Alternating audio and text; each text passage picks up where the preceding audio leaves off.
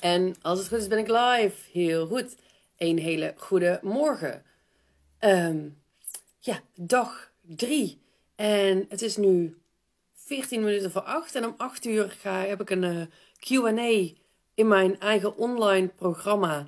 Ehm, van, uh, van maximaal twee uur. Dus voor de deelnemers van Bouw je Succesvolle Praktijk. En zij kunnen om de week kunnen ze vragen stellen in de live QA. Dus zij kunnen gewoon even support komen halen voor uh, het programma waar ze in zitten. Dat heb ik om 8 uur. Dus nou ja, wat dat betreft, deze live gaat maximaal 14 minuten duren.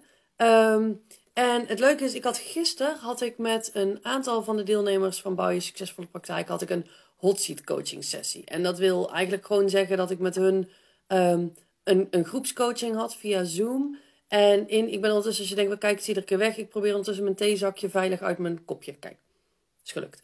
Um, is goed ook voor de podcast dit. Die hebben helemaal geen idee wat ik aan het doen ben. Maar uh, ik had dus gisteren met hen die, die hot seat coaching. En die hot seat coaching, daarin konden zij vragen stellen. En dan niet alleen over uh, de lesstof van bouw je succesvolle praktijk. Maar ook over ondernemerschap. En het leuke was, ik had daar gisteren zeven hypnotherapeuten in zitten. Nou ja, zelf ben ik natuurlijk ook hypnotherapeut. Dus dan heb je het ook echt inhoudelijk over ja, je vakgebied. Hoe pak je dat aan met sessies? En ik vond het echt mega leuk om dit te doen. En het toffe is, zij hebben hele, hele coole vragen gesteld. Vragen waar jij misschien ook wel mee zit. Dus ik denk dat zij mij al gisteren voor 20 dagen um, informatie hebben gegeven om mee live te kunnen gaan. Dus content gaat echt het probleem niet worden in deze 30 dagen challenge die ik voor mezelf in het leven heb geroepen.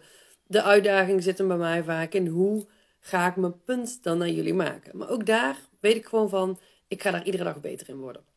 En waar ik het vandaag met je over wilde hebben, en dat heb ik net bedacht terwijl ik weer de afwas stond te doen op kantoor, is, oh, als je denkt, wat praat ze snel? Dat is omdat ik dus dadelijk om acht uur live moet en mijn punt gemaakt hebben. En ik praat gewoon snel, weet je. Dat als je me, um, ja, hier in de live kun je me niet langzamer afspelen. In Spotify kan dat wel. Doe je gewoon een tandje eraf en dan kun je het iets makkelijker bijhouden. Maar wat ik gisteren interessant vond in die hot seat, coaching sessie die ik had, is um, de vragen die je stelt.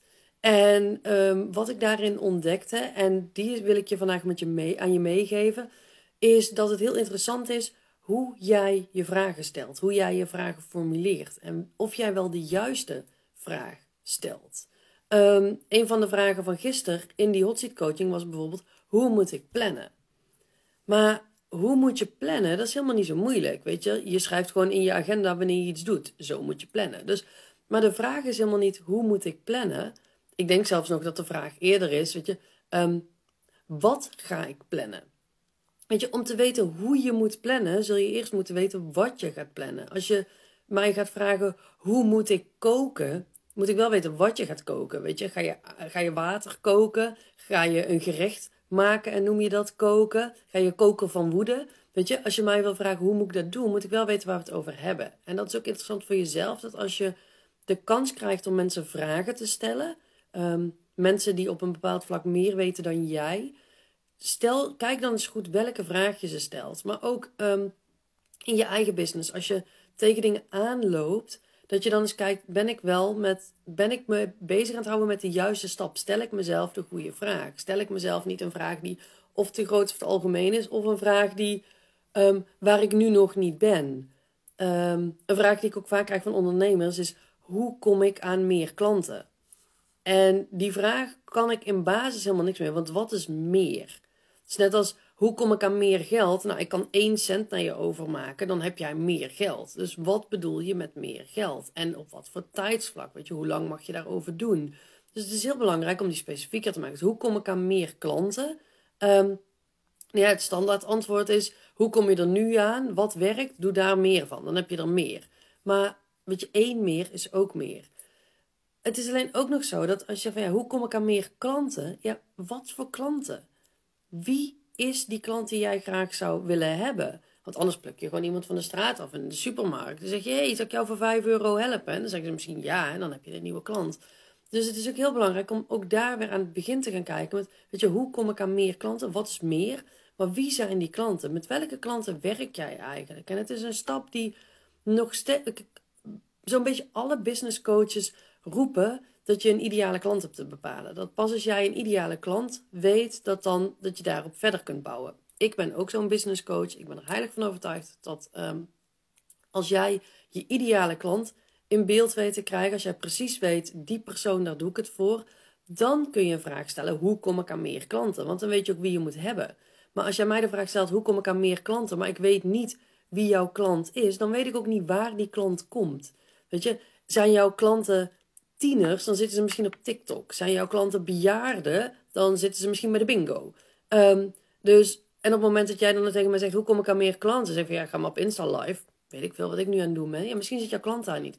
Dus kijk echt eens voor jezelf, welke vragen stel ik en um, welke stappen sla ik daarmee over? We zijn heel erg geneigd om te gaan kijken naar stappen die heel ver in de toekomst liggen ook bijvoorbeeld.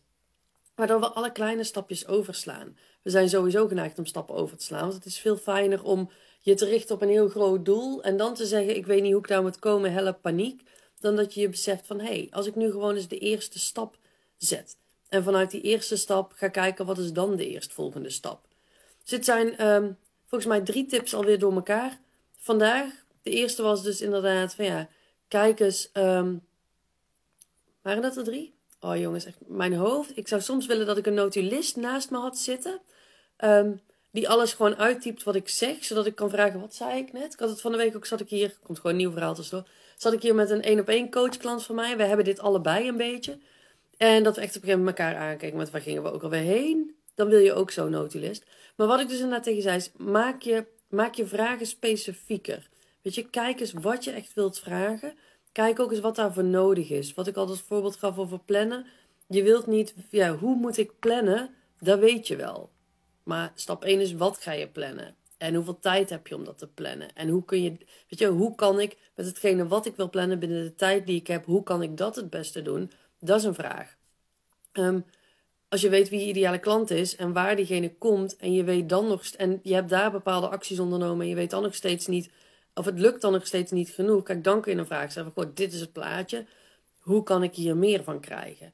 Um, maar dat dus echt over het stellen van vragen. En een belangrijke die ik gisteren ook nog um, in die hot seat coaching groep heb, aangegeven, terwijl ik met hun aan het werken was. Um, er zaten zeven mensen in die groep en ze hadden niet eens alles even een vraag ingesteld.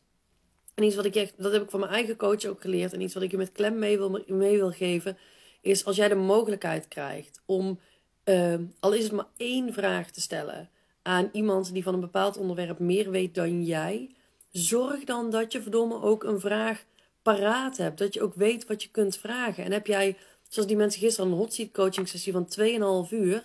Weet je, er zijn altijd mensen die geen vragen hebben voorbereid. Zorg dat jij dan zoveel vragen hebt dat jij in je uppie gewoon 2,5 uur zou kunnen vullen. Maar zorg dat je altijd een vraag paraat hebt als jij de kans krijgt om iemands brain te pikken die van iets meer weet dan jij. Want dat is zo enorm waardevol en daar kun je zoveel uithalen. En zeker als je ook nog eens heel goed gaat kijken, welke vraag ga ik stellen? Wat heb ik echt nodig? Welke informatie mis ik nu? En pak dan ook die juiste stap. Pak die eerste stap en kijk eens wat je specifiek wilt hebben. Um, Wauw, ik heb gewoon nog vijf minuten over omdat ik zo snel heb gepraat. Volgens mij is dit in een normale mensentempo. Is het nu één minuut voor acht. Um, heb ik nog iets spannends te vertellen? Nee, ik denk dat ik hem hierbij ga laten. Ik vind het superleuk als je me laat weten ook hoe dit voor je was. Dus laat even een reactie achter. Of je hier iets mee kunt. Of dit iets bij je heeft geraakt. Of dat je nu ook merkt van, oh kak, ik ben ook zo. Ik stel misschien ook niet altijd de juiste vragen aan mezelf of aan iemand anders. Want we doen het vaak ook aan onszelf. Dus laat me weten hoe dit voor je was. Of er een eye-opener in zat. Um, en wat ik ook leuk vind is, welke vraag zou jij mij willen stellen? Dus je laat me eens weten, specifiek, welke vraag jij mij zou willen stellen. En misschien neem ik die dan wel, uh, nou ja, als er een aantal vragen komen, dat ik die in de eerstvolgende live bijvoorbeeld meeneem. Dat zou misschien leuk zijn. Dus doe dat. En dan wens ik je voor nu gewoon een ontzettend fijne dag. En uh, alvast een heel fijn weekend. Ik heb geen idee of ik dit weekend nog live kom of dat ik het echt naar maandag til. Dat is voor mij ook gewoon een verrassing. En uh, nou, dat. Hele dikke kus en tot de volgende.